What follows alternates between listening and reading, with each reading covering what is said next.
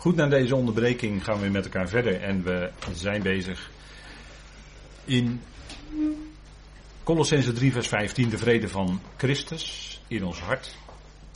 En we bepaalden ons bij wat zegt nou God. We hebben even gekeken naar Romeinen 5 vers 1 en in Romeinen 15 vers 13 staat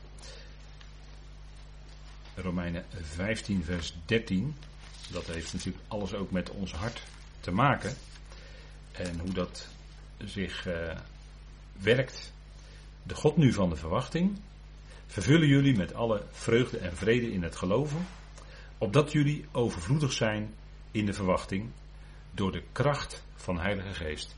Nou, dat is natuurlijk wat we als gelovigen ervaren als we God ook kennen als de God van de verwachting. God geeft ons een geweldige verwachting, een uitzicht op een enorme toekomst. Dat kunnen we niet vaak genoeg tegen elkaar zeggen. En ik vind het altijd bemoedigend als we met elkaar erover mogen spreken. De geweldige toekomst die God ons geeft, want daar gaat het om. Daar gaan we naartoe. Dat is ontegenzeggelijk. Tijd werkt in Gods voordeel. Tijd is een instrument in Gods hand. Zonder dat we daar nou filosofisch over willen doen. Maar is een instrument in Gods hand om de dingen uit te werken. En God neemt rustig de tijd ervoor. En dat ervaar je ook zo in je leven. Maar een leven van de mens is als een damp, hè, zegt Jacobus. Het is zo voorbij, het is vluchtig. Maar de langere processen zijn natuurlijk periodes van beheer. Beheer van de genade duurt 2000 jaar lang. Dat is een lange periode. En we zijn nu aan het einde gekomen van het beheer van de genade. En we hebben een uitzicht op de komende eonen waar we als gemeente die veelvuldige wijsheid van God aan de hemelse machten en krachten bekend mogen maken. Dat is natuurlijk een, geweldige toekomst. Kunnen we maar nauwelijks beseffen wat dat allemaal gaat betekenen. Voor ons, maar vooral voor de hemelse machten en krachten. En natuurlijk voor God en voor Christus. Dat is onze verwachting. En het punt is dat we die God en Vader mogen kennen. De God van de verwachting. Wat een geweldige verwachting geeft Hij ons. Daar kijken we naar uit. En dan wordt er ook direct in dit vers door Paulus gesproken over vreugde en vrede. Want als je die verwachting realiseert, als je dat weer bedenkt. U weet wel, je wordt s'nachts wakker. En je hebt slecht, je kan eigenlijk niet goed slapen. Je hebt maar half geslapen, half wakker, half slapen, uh, moeite, uh, dromen, noem maar op. Uh, je, je maakt je zorgen over dit, je maakt je hart druk over dat. Je leest iets en je wordt weer bepaald bij die God van de verwachting. En dan stroomt ineens weer die vreugde en vrede in je hart. Omdat God dan door zijn geest dat geloof in jou werkt. Dat geloof, die zekerheid dat jij die toekomst tegemoet gaat. Met God. Je gaat niet zonder Hem, nee, je gaat aan de hand van die grote God en Vader. En dan kun je ook overvloedig zijn in de verwachting. En dat zijn we. Overvloedig in de verwachting door de kracht die God ons geeft door Heilige Geest. Kijk dan, dat is die kracht met liefde en verstandigheid. En dat is wat God ons geeft. Hè. En dat is ook wat Paulus, als we nog even een fijn woord erbij pakken. 2 Thessalonicense 3, vers 16. Thessalonicense, de brieven van onze verwachting. En daar hebben we ook een tijdje het woord vandaag aan besteed. En ik denk dat dat toch heel boeiend was om daarmee bezig te zijn. Er staat in 2 Thessalonicense 3 vers 16. Mogen de Heer van de vrede zelf jullie voortdurend vrede geven. Op allerlei wijzen. De Heere is met u allen. Fijne woord van Paulus. En dat is ook wat we elkaar mogen toebidden. Dat die Heer van de vrede. Kijk, het gaat er dus niet om dat wij zelf proberen onderling of voor onszelf op een of andere manier vrede te zoeken. Nee, we vinden het bij Hem, want Hij is de Heer van de vrede. Hij geeft die vrede in ons hart. En dat doet hij op allerlei manieren. En in allerlei omstandigheden is het toch die stabiele, rustige vrede diep van binnen bij je. Zo kun je leven. En zo ga je van stap tot stap verder aan zijn hand. Hij is jouw Heer. Hij is degene die het voor het zeggen heeft in jouw leven. Hij is ook de Heer van de gemeente. Hij is het hoofd van de gemeente. Hij bepaalt wat gebeurt. Het gaat, niet om, uh, het gaat er niet om de, dat mensen in het lichaam van Christus allerlei dingen regelen. Nee, het gaat erom dat de Heer als hoofd van het lichaam, Hij regelt het. Hij zet de lijnen uit. En, en daar gaat het om. En dat geldt zowel wereldwijd als ook in een plaatselijke gemeente. Daar is maar één hoofd en dat is onze Heer Christus Jezus. En niemand anders. En het punt is dat, eh, kijk, die Paulus heeft het dan steeds in Filippenzen en in zijn brieven over die ootmoedige gezindheid. Als we dat erkennen, ootmoedige gezindheid, nee Heer, u bent het hoofd. U bent het hoofd. Wij zijn slechts, nou slechts, dat is wel een status hoor. Wij zijn leden van het lichaam van Christus. Maar er is maar één hoofd, dat is Hij. En Hij voedt en koestert de gemeente. Wie, wie doet dat? Dat doet Hij. En eh, daarom draait het ook in de lokale ecclesia, om het zo maar eens te zeggen, draait het niet om mensen, maar het draait om Hem. Om die Heer die we mogen kennen. Dat is van belang. Nou, we gaan uh, maar verder. Hè. Kijk, het woord scheidsrechter wordt gebruikt hier. Uh, dat, is, uh, dat kennen wij wel als in, in, sportwedstrijden. Het is een scheidsrechter die dan bepaalde beslissingen neemt tijdens de wedstrijd. Het punt is dat hij nu scheidsrechter is. En een scheidsrechter is niet degene die de prijs uitdeelt. Dat gebeurt pas bij de BEMA. Voor ons, dus een scheidsrechter is niet iemand die te maken heeft met de BEMA. Nee, de prijsuitreiker na afloop van de wedstrijd, om het zo maar te zeggen, dat is de Bema. Maar dat is een ander beeld. Dit beeld wat Paulus hier naar voren brengt in, deze, in, dit, in dit woord, in deze tekst, is dat die vrede van Christus scheidsrechter is in ons hart. Dat is bepalend. Die vrede van Christus. Die weg die je gaat, je legt het aan Hem voor. En vaak zijn bij beslissingen is het moeilijk. Welke kant moet je op? Er zijn soms, soms of vaak meerdere mogelijkheden. En dan vraag je je vaak af wat is nou de juiste weg. En soms is dat ook gewoon moeilijk. En soms is het ook dat je een bepaalde weg gaat waarvan je op dat moment biddend denkt, nou dat, dat moet dan kennelijk de weg zijn. De omstandigheden leiden daartoe. En uh, ja, dan is het zo dat je toch uh, met die weg die je dan gaat, dat God dan toch een wonderlijke vrede in je hart kan geven. En, en uh, ja, dat is ook met als er, hè, uh, ik heb op deze dia ook gezet, het gaat om de regie in ons dagelijks leven. Het beslissen over hoe en wat. Dat heb je elke dag nodig. Dagelijks heb je die beslissingen in kleine en grote dingen. En door dat alles heen is die vrede van Christus, die scheidsrechter in ons hart. Dat is bepalend. En op een gegeven moment dan denk ik dat je als gelovige uh, door de geest wat wijzer kan, uh, bent geworden, kan worden. En dat je binnen bepaalde beslissingen wel, wel kan, kan ja, wel, wel weet eigenlijk uit. En zeker als je, als je daar aanwijzingen hebt uit de brieven van Paulus. Dat je, dat je bewust bent, kijk, die weg gaan we. In die gegeven situatie, ook binnen het lichaam van Christus, ook binnen de plaatselijke ecclesia, binnen de plaatselijke gemeente.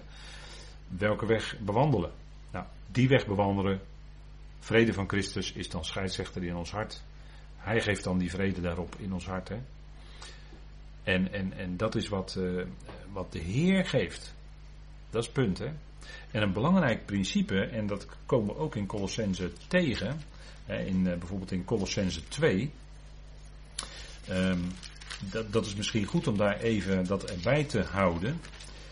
Uh, wat Paulus daar zegt, hè, dat hebben we natuurlijk met elkaar behandeld, maar het is goed om ons daar even bij te laten bepalen, want het gaat hier om uh, wie is nou eigenlijk scheidsrechter in ons hart, wie bepaalt dat?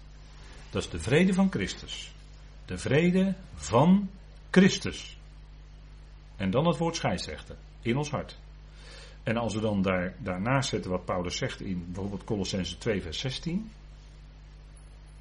Dan zegt hij, laat dus niemand jullie richten in zaken eten of drinken, of het punt van een feestdag, nieuwe maan of sabbaten.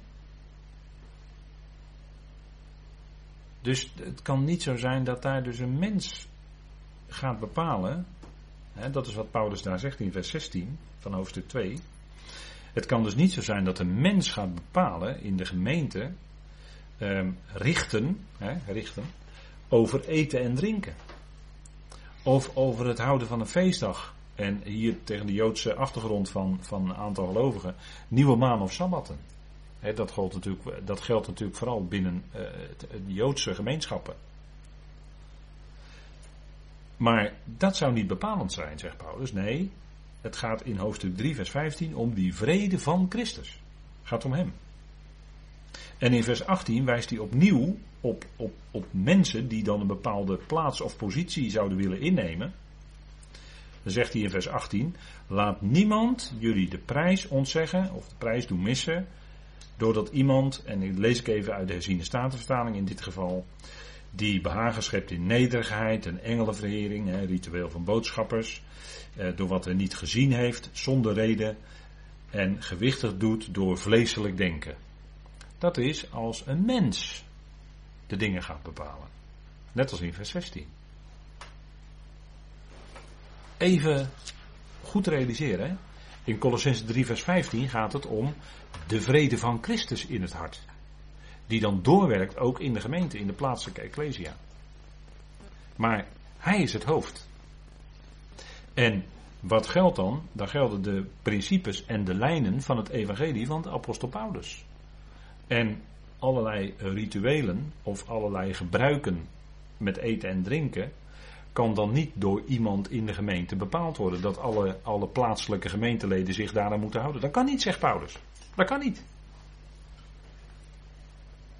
Of doorhouden vandaag. Kijk of iemand dat een gemeentelid individueel voor zichzelf uh, zich onthoudt van bepaald voedsel of bewust bepaalde dagen houdt. Dat iemand dat individueel doet voor zichzelf, dat is wat anders. Maar Paulus wijst op als er mensen zijn, als er mensen zouden komen in een plaatselijke gemeente, die dan gaan bepalen eten of drinken, het, uh, het houden van dagen, hè, naar, uh, eventueel naar aanleiding van de Joodse achtergrond, of naar aanleiding van eventueel andere achtergronden, dat kan. Of door wat iemand dan zegt gezien te hebben, eh, het kan ook zo zijn, want dat, dat is in de afgelopen, laten we maar zeggen, ja, 100, 130 jaar is dat toch regelmatig weer opgekomen. Hè? De, de, de groei van de charismatische en pinksterbeweging. En dan zijn er mensen die dan, eh, die dan verschijningen hebben gezien. Die dan zeggen, ik heb Jezus gezien. En die heeft tegen mij dat en dat gezegd. Maar, uh, en, en daar wijst Paulus waarschijnlijk op in vers 18 dingen die iemand gezien heeft. En, maar daarin komt voort, uh, die gaat dan dingen bepalen, eventueel. Hè, want die wordt dan uh, gezien als, ja, maar die heeft toch een verschijning gehad. Of die heeft toch dat en dat gezien. En die wordt dan bepaalde status toegekend, om zo maar te zeggen. En, maar dan blijkt toch keer op keer dat daar vleeselijk denken achter zit. Dat daar dingen uit voortkomen die niet naar de schriften zijn.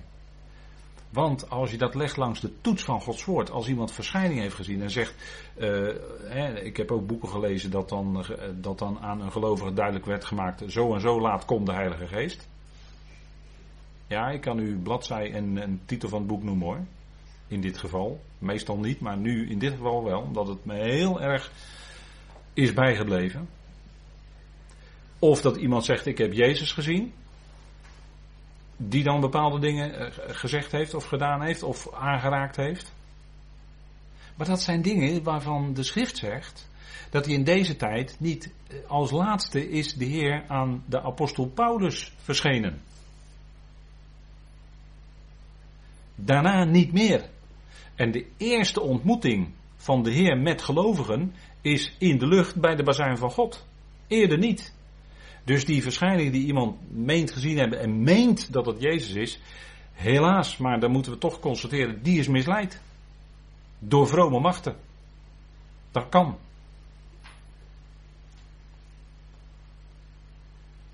En ik wil daarin nog wel een stapje verder gaan. Dat bij uh, daar waar uh, daar waar mensen te maken hebben gehad met, uh, laten we maar zeggen, verkeerde machten en waar ge gebleken is, dat die verkeerde machten zich bekend maakten onder de naam Jezus. Begrijpt u dat die dingen dan uh, in het geestelijke bereik heel uh, lijken waar te zijn of dicht bij de waarheid te liggen. En het toch niet zijn. En dat kun je toetsen aan de hand van de schrift. En nogmaals, als ik die toets niet kan doorstaan, dan is het eigenlijk voor ons heel eenvoudig. De Heer is als laatste, als aan een ontijdig geboren aan de apostel Paulus verschenen. En de eerstvolgende verschijning is in de lucht. Dat is zijn aanwezigheid voor de gemeente in de lucht. En dan is er pas weer een ontmoeting zo direct met gemeenteleden. En in de tussentijd verschijnt de Heer Jezus niet individueel aan gemeenteleden in een huis of in een kamer of wat dan ook. Dat is gewoon niet aan de orde. We hebben zijn woord, dat is voldoende. Zijn woord is gecompleteerd en we hebben niet daarnaast nog aanvullende openbaringen nodig alsof de Heer zelf nog naar ons toe zou komen en ons nog dingen zou onthullen. Dat is niet aan de orde in deze tijd. En dat is ernstig, als we dat zo moeten zeggen, maar dat, dat is niet anders in deze tijd. En dat bewaart je voor bedrog en misleiding. En dat is zo enorm aanwezig in, in, in het geestelijke bereik, in de christelijke wereld. Zoveel aanwezig, bedrog en misleiding. En, en dat is het punt, hè. En kijk, eh, en uiteindelijk blijkt dan ook in mensenlevens die dat ervaren hebben, dat, er, dat dus die echte vrede van Christus dan daar ook niet is in, in zo'n leven. Dat ontbreekt dan. Dan is er onrust en steeds weer voortgejaagd worden en noem alles maar op. Dus ik denk belangrijk punt, hè. Die vrede van Christus, die is scheidsrechter in ons hart. Kijk, het hart. We praten vanavond over het hart natuurlijk, hè. Over ons innerlijk. En het hart van de mens is het centrum van het geestelijk zijn van de mens, zou je kunnen zeggen. Als je dat hart wat bijbels wil vastleggen, hè, hoe de Bijbel daarover spreekt.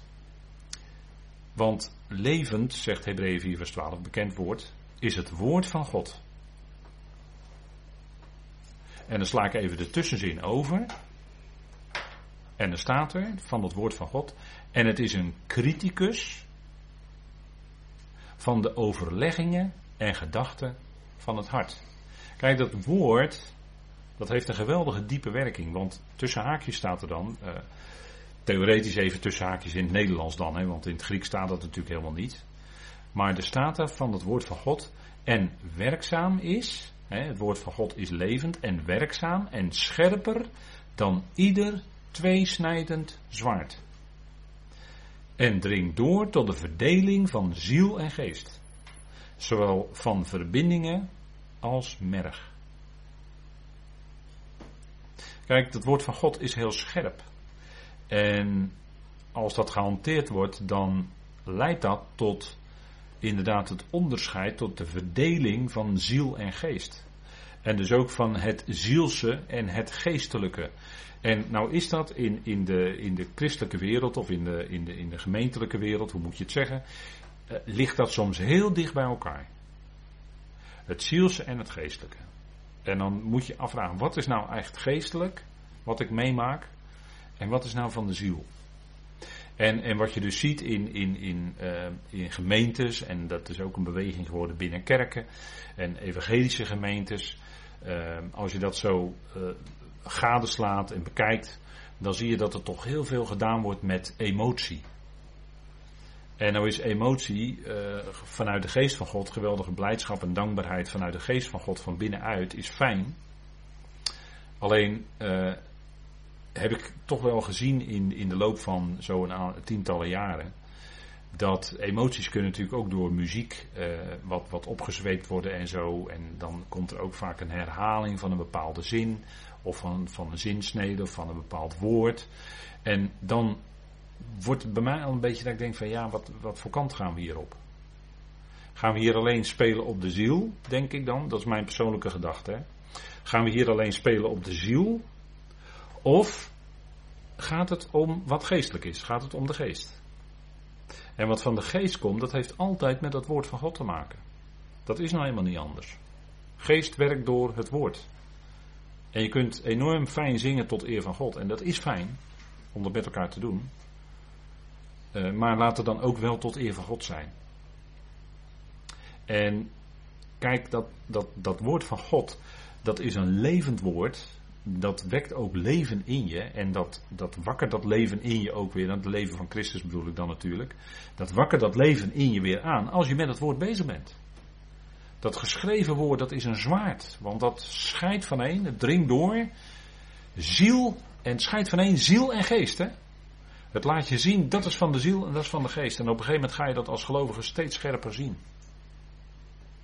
Omdat je zelf door vele jaren met het woord bezig te zijn, zelf enorm aangescherpt bent geworden. Dan ga je het ook steeds scherper zien. Kijk, dat geschreven woord is een zwaard. En dat levende woord, dat is de Heer Jezus Christus, heeft een zwaard hè, in openbaring. In openbaring wordt de Heer Jezus Christus gezien of voorgesteld als het woord. dat komt dan op een wit paard in openbaring 19.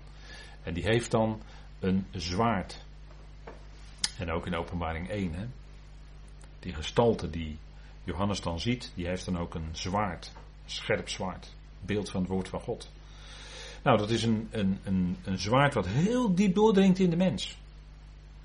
En dat is misschien ook wel de reden waarom mensen die uh, geneigd zijn wat, ja, je merkt dat, hè, dat, dat, dat mensen dan wel eens reageren. Die, die komen bijvoorbeeld in, in, in andere samenkomsten en die komen dan in een samenkomst waar toch wat langer gesproken wordt, hè, waar 35 of 40 minuten gesproken wordt. En die vinden dat al best lang. En die vinden dat al al best moeilijk wat er gezegd wordt. En dat komt omdat ze niet gewend zijn om uh, een dienst mee te maken waarin het woord van God echt goed aan de orde komt. Maar dan gaat het veel meer om wat alles wat er omheen is. De liturgie en de zang, hoe mooi het ook allemaal is. Maar daar komt lang, dat, dat, heb, dat zie je bij veel gemeentes, het accent toch verleggen. Van uh, dat, dat het woord gesproken wordt, naar dat het gaat om de liturgie. Het gaat om de zang, om de beleving, om de emotie enzovoort. En ik denk dat, uh, dat gemeentes waar dat gebeurt, uh, ja, lastig, dat is lastig denk ik. Want dan krijg je toch een verlegging van het accent van het een naar het ander. En dat is, uh, ja, ik denk dat het toch goed is om te kijken wat, wat is nou dat hart. Hè? Het volgende punt is, dat hart dat is de zetel, hè, dat hart dat is eigenlijk de kern van de mens, figuurlijk gesproken. Meestal in de Bijbel wordt het woord hart figuurlijk gebruikt. Voor het centrum van de mens is het zetel van de motieven. Met welke motieven doe je de dingen? En die motieven, die kunnen we natuurlijk bij elkaar met elkaar op een afstandje proberen te peilen. Wat zijn nou de motieven? Maar dat is heel moeilijk. En daar moet je ook heel voorzichtig mee zijn. Wat is nou het motief waarom iemand datgene doet wat hij doet? Moet je heel voorzichtig mee zijn. Dat komt bij de Bema wel aan de orde. Daar zullen alle raadslagen, zegt Paulus, van de harte bekendgemaakt worden. En uh, ik, ik, denk dat het u ook zo vergaat dat, dat je eigenlijk steeds vaker denkt: goed heer, het komt bij de Bema wel, dan, dan gaat het allemaal wel blijken. Bij de Bema gaat het allemaal wel blijken. De Bema is de, het erepodium, hè, rechterstoel in de NBG, maar is het erepodium, dat is het eerste wat gaat gebeuren voor het lichaam van Christus, nadat de bazuin geklonken heeft. Dat is voor ons eerste moment de Bema. Daar worden de dingen beoordeeld door de Heer, worden dingen rechtgezet, worden zaken die tussen gelovigen speelden. En in de loop van de tijd heeft er nogal wat gespeeld tussen gelovigen, hè, kunnen we wel zeggen. Maar daar zal de Heer dat wat tussen gelovigen speelde allemaal weg gaan nemen. En daar, daar valt ook dan het volle licht. Hè, want kijk, eh, het volgende is, in, in het hart kan ook dat licht van God zijn. Hè. Uh, het evangelie van de heerlijkheid van Christus in je hart is een geweldig licht. De lichtstralen, daar gebruikt Paulus, uh, schrijft Paulus over. Hè. En dat is zo geweldig, want kijk, als dat licht in je hart is, dan is die bedekking weggenomen, weet u wel. Die bedekking. En die bedekking heeft te maken met de wet, met het voorlezen van de wet. Dat brengt altijd een bedekking over het hart. Dat kan ook bij gelovigen een bedekking over het hart opnieuw brengen. Nee, we hebben dat evangelie van de heerlijkheid van Christus nodig in ons hart. Daar gaat het om. En dan krijg je ook begrip Geestelijk begrip en inzicht. En de, de Corinthiërs, het gaat, hè, de 2 Korinthe 4, Corinthiërs. Corinthiërs die roemden op vlees. Corinthiërs die roemden op mensen. Nee, Het gaat natuurlijk om Hem. Het gaat om die Heer van de heerlijkheid. Dat evangelie is in ons hart gekomen. Die lichtglans. God is licht. Hij geeft licht in ons hart. Het begrip, het licht. Dat is ook een zaak van het hart. Hè? Het gaat niet om al die uiterlijkheden, om al. dat is allemaal eigenlijk. Nee, het gaat om het hart. Het gaat om het innerlijk van de mens.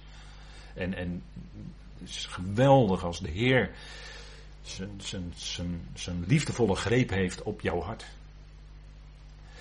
Hoe denk je? Hè? Het verstand.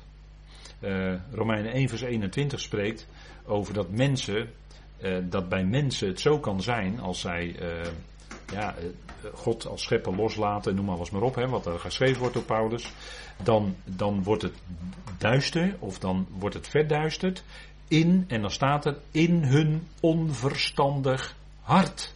Dus het verstand heeft te maken met het hart. Die dingen die grijpen in elkaar.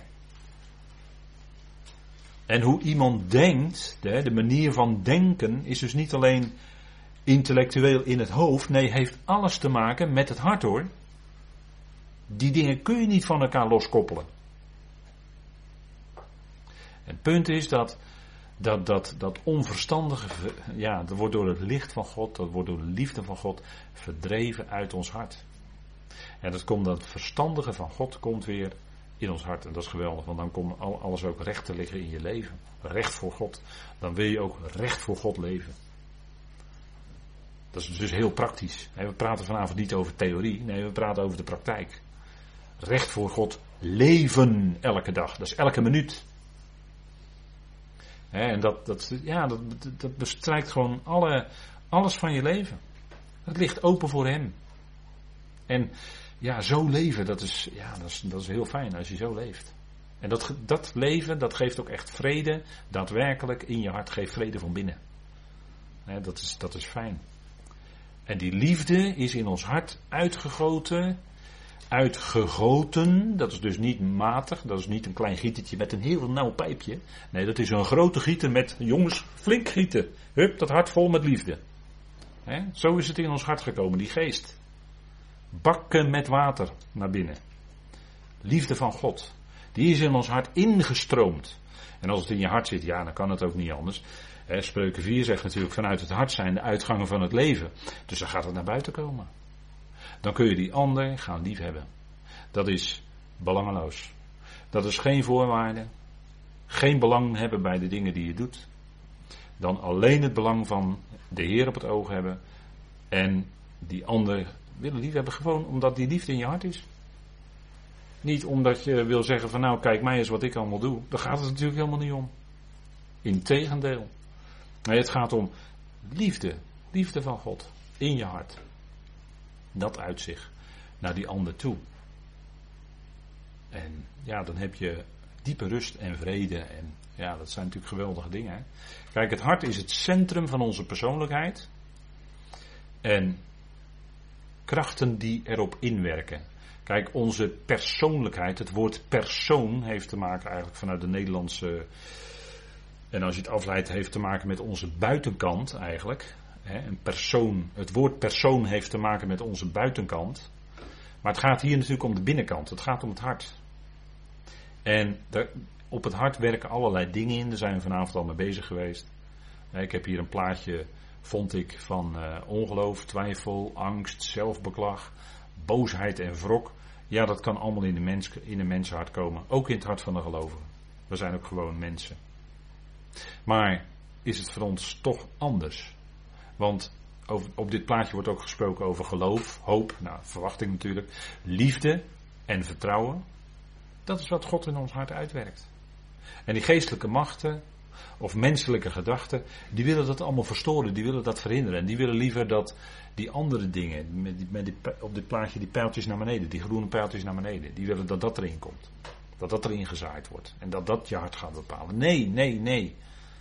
Ons hart wordt bepaald door dat evangelie. Die kracht van het evangelie is veel groter dan die andere krachten die er met heel veel pijn en moeite proberen in te komen, ertussen te komen. En dat kan ook zo. Als je als groep gelovigen bij elkaar bent, dan, hè, dan, dan is het hart misschien daar wel een, een, een klein voorbeeld van. Maar het zaaiveld in een groep gelovigen, ja, daar kan ook ongeloof in gezaaid worden. Daar kan ook twijfel en angst in gezaaid worden. Of zelfbeklag. Of boosheid en wrok zelfs. Dat kan ook onder gelovigen. Helaas. Helaas. Maar die liefde van God, dat staat boven alles uit. Die liefde van God is die geweldige kracht van God die in ons werkt. En die de ander, ja, gewoon geeft, die geeft. Zonder daar zelf nou belang bij te hebben. En alle eer is toch voor Hem, voor onze God en Vader. Hè? En dan zegt Paulus ook in Colossense 3, vers 15, en dan gaan we bijna afsluiten. Waartoe jullie ook in één lichaam geroepen werden. Dat zijn we ons bewust als gelovigen. We zijn in één lichaam geroepen. En dat ene lichaam is wereldwijd. Dat betreft al die gelovigen wereldwijd. En ik weet niet hoeveel dat er zijn. Dat zijn er, ja, dat zijn er echt heel veel. In alle kerken en groepen, daar zijn aanwezig leden van het lichaam van Christus. En misschien wel in sommige groepen of in sommige kerken enkelingen. Dat, dat zou zomaar kunnen. Maar dat weten wij niet. Dus eh, het is ook moeilijk om dat aan de buitenkant te beoordelen. Wij kijken aan de buitenkant tegen iemand aan. De Heer kent het hart. Waardoor jullie ook in één lichaam geroepen werden. En als je met elkaar dan in, eh, in contact komt of in gesprek komt, dan merk je dat snel genoeg. Of je met iemand te maken hebt die ook gelooft of niet. En, en dan is daar gelijk toch, uh, dan, dan ben je ook bewust, hè, als je iemand ontmoet waarvan je ineens merkt, hé, hey, dat, is ook, dat is ook een gelovige. Hey, dus dat is ook iemand van lid van het lichaam van Christus. Heel erg fijn. En uh, kijk, want in dat lichaam van Christus is automatisch, dat is automatisch, daar hoef je niks aan te doen. Die eenheid van de geest aanwezig. Daar hoef je niks aan te doen. Die is er. Daar ga je vanuit. En die eenheid, we hebben het vandaag over vrede in ons hart. Hè? Nou, die eenheid van de geest, die bewaren wij met de band van de vrede. Vrede. En dan is het mooie, die vrede is al in ons hart. En we zijn ons bewust, die eenheid van de geest is er met iedere gelovige, zonder uitzondering, eenheid van de geest. Daar gaan we vanuit. Ja, nou ja, dan ben je daar, dan, dan ben je, hé, hey, er is ook iemand die daarbij is, fijn. En zegt u, ja, maar er is ook veel verdeeldheid onder gelovigen. Ja, maar dat weet u, dat heeft altijd te maken met het vlees. En het heeft te maken met inwerking, ook van geestelijke machten. Dat hebben we vanavond ook gezien. Hè? Die willen de zaak tegen elkaar uit elkaar drijven. dus uh, daar zit altijd ergens, zit daar altijd een geestelijke oorzaak. Als, als gelovigen uit elkaar gedreven worden. En, en ook het dan op dat moment niet uh, niet, of uh, op dat moment dus even dan kennelijk uit het oog verliezen, dat die eenheid van de geest, die is daar. Die is daar. En die, die kunnen wij niet eens zelf tot stand brengen. Dat is onmogelijk. Want het is er al. Hoe wil je iets tot stand brengen wat er al is? Dat kan toch niet? Dus die ene die bewaren wij met de band van de vrede.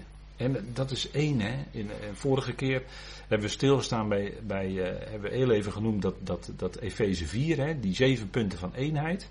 Nou, op dit plaatje staat 1 Timotheus 2. Ook één, hè. Er is één God. Eén God. En er is ook één middelaar. De mens Christus Jezus. Tussen God en mens. En dat lichaam van Christus is ook één. Die eenheid van de geest die is uit. Dus u ziet, als het vanuit God komt, is het altijd één. Eenheid. En dat is het geweldige. En zo, dat is ook een stukje, denk ik, dat is ook, denk ik, een stukje erkenning van God. Hè? Als het van Hem komt, dan is het één. En we zijn één met, met ieder lid. Of we nou iemand spreken die eh, op Hawaii zich bevindt, of in Nieuw-Zeeland, of in Duitsland, of in Engeland, of in Zwitserland, of waar dan ook, of in China, of in Japan. Het maakt niet uit. Ze zijn allemaal leden van het lichaam van Christus. Daar zijn we per definitie één mee. Ah, dat is natuurlijk heerlijk, dat is geweldig dat God het zo doet. Want het is die ene geest, dat is bepalend. En ja, dat, als je daarvan uitgaat, ja, dan is het. Ik zou bijna willen zeggen, dan is het niet zo moeilijk meer. God is één. Er is één God. De Vader van onze Heer Jezus Christus. Dat is die ene ware, absolute God. En die werkt het allemaal uit. Die, door die ene geest, hè. Nou, dat is het denk ik. Vrede voor het lichaam van Christus. Twee groepen werden één. Efeze 2, belangrijk stukje hoor. Efeze 2, vers 11 tot en met 22 is zo ongelooflijk belangrijk.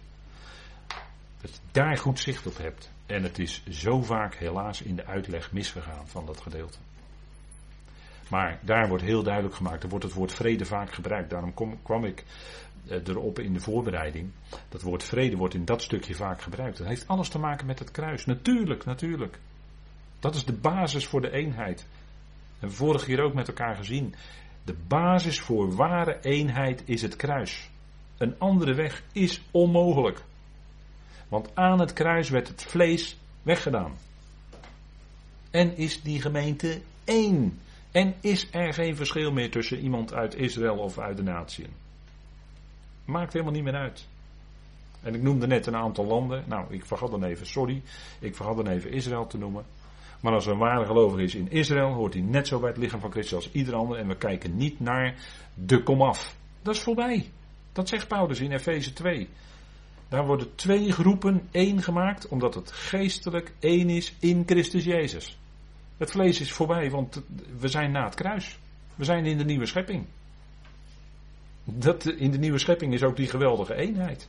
Dan heb je gelijk weer in de goede zin kortsluiting. Eén, één lichaam. Zonder onderscheid. We kijken niet naar vleeselijke komaf. Dat kan niet. En dat is natuurlijk geweldig. Wij zijn zonen. Ja, dat is natuurlijk heerlijk hè. Nou, het spreken. Dat doen wij, zegt Paulus in 1 Thessalonicense 2. Het spreken is niet wat naar de mens is of de mensen bevalt, maar God, zegt hij, die de harten proeft of beproeft. Maar het is God die de harten beproeft, of misschien zeggen sommigen toetst. Oké. Maar Paulus sprak voor het aangezicht van God, dat deed hier, dus het plaatje van de Areopagus, hè, de, de plaats van de filosofie. Maar hij sprak over die ene God, die zijn zoon heeft opgewekt uit de dood. En u weet wat er gebeurde toen hij sprak over de opstanding van de doden, gingen de meesten bij hem weg. Want die vonden Paulus maar dwaas. En ze hadden niet door dat zij zelf dwaas waren. Maar goed, Paulus sprak daar in alle liefde over die onbekende God. Dat is die ene God die alles gemaakt heeft. En uit wie alles is en tot wie alles zal zijn. Het is God die onze hart proeft en die vrede in ons hart geeft. Ah, dat is geweldig hè. Paulus sprak daar vol gloed en hij zei geweldige dingen daar op de Areopagus over God. Moeten we nog maar eens nalezen. Het is fantastisch wat hij daar allemaal zegt. Het is echt fantastisch. Want het is zo volkomen tot eer van God wat hij daar zegt. Ja, dat is, dat is, dat is echt. Uh, daar word je weer blij en dankbaar van als je die dingen leest. Dat is heerlijk. Nou, we eindigen dan met Word dankbaar. Ik denk dat we nu vanavond, vandaag, vanavond hebben misschien wat dingen al wat opgestapeld. Waarvan u zegt van nou, ik, ik ben dankbaar. Dat, dat het zo zit allemaal. Dat, uh, voor die vrede in mijn hart. Nou, goed, als we kijken in de context van Colossense 3 vers 15. En word dankbaar, zegt Paulus dan. Want het zit in onze schepsel, ons als schepsel niet per definitie om dankbaar te zijn. Wij zijn heel snel, vinden wij dingen alweer gewoon. En dan, zijn, en dan ontbreekt de dankbaarheid. Maar waar zijn we dan dankbaar voor? Nou, voor de vrede met God. Dat hebben we vanavond besproken. Voor de vrede van Christus als scheidsrechter in je hart. Daar kunnen we geweldig dankbaar voor zijn. Voor onderlinge vrede. Paulus heeft gesproken in dit vers over dat ene lichaam. En de vrede van God, hè? Filippenzen 4. Dankbaar, daar kunnen we dankbaar voor zijn. Daar ging het ook om danken. Word dankbaar. Ik denk dat dat, dat het is, hè? Goed, zullen wij dan de Heer danken. Vader, we danken u dat we aan het eind van deze avond, waarin we een aantal dingen met elkaar mochten overwegen, dank u dat u ons daartoe in de gelegenheid stelde, de tijd gaf, de mogelijkheden gaf om ook dit rechtstreeks te kunnen uitzenden en het mensen dichtbij en ver weg kon bereiken. Vader, we danken u voor de verbondenheid in u met elkaar en met ieder lid van het lichaam van Christus. Vader, we danken u dat we die vrede van Christus in ons hart als scheidsrechter hebben en dat dat voor ons inderdaad beslist. We danken u, Vader, dat u ons voedt en koestert met dat woord. Dat u zo'n geweldig groot God bent. Dat u niet alleen de schepper, maar ook de redder bent. En dat u ons roept tot het lichaam van Christus.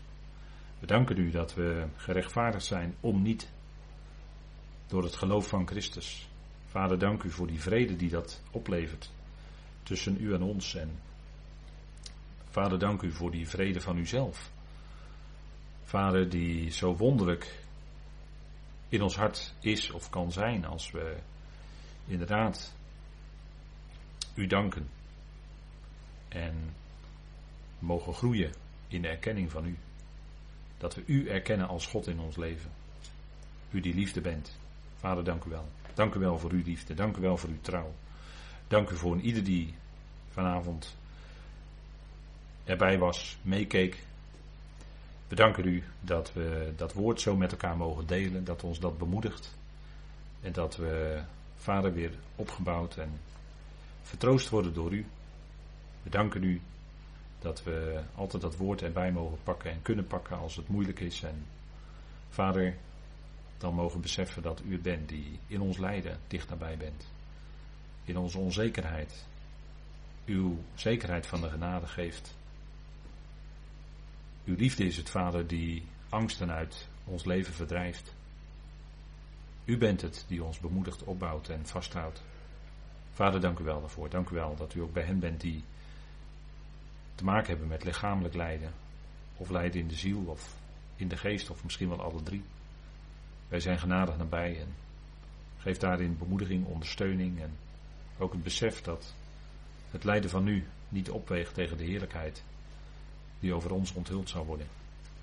Vader, dank u wel dat we die vrijheid van de heerlijkheid in de toekomst mogen ervaren.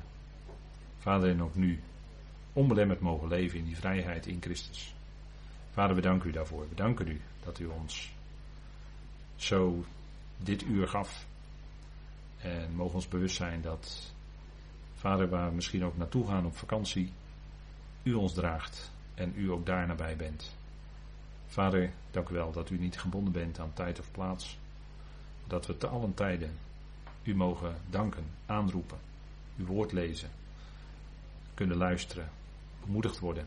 Vader, dank u wel daarvoor. Dank u wel dat u ons in uw goedheid en trouw aanziet en dat als we, Vader, ons vertrouwen op u stellen, nooit of te nimmer beschaamd uitkomen. Vader, we danken u daarvoor. In de machtige naam van uw geliefde Zoon, onze Heer, Christus Jezus. Amen. Goed dank voor uw aandacht en tot een volgende keer.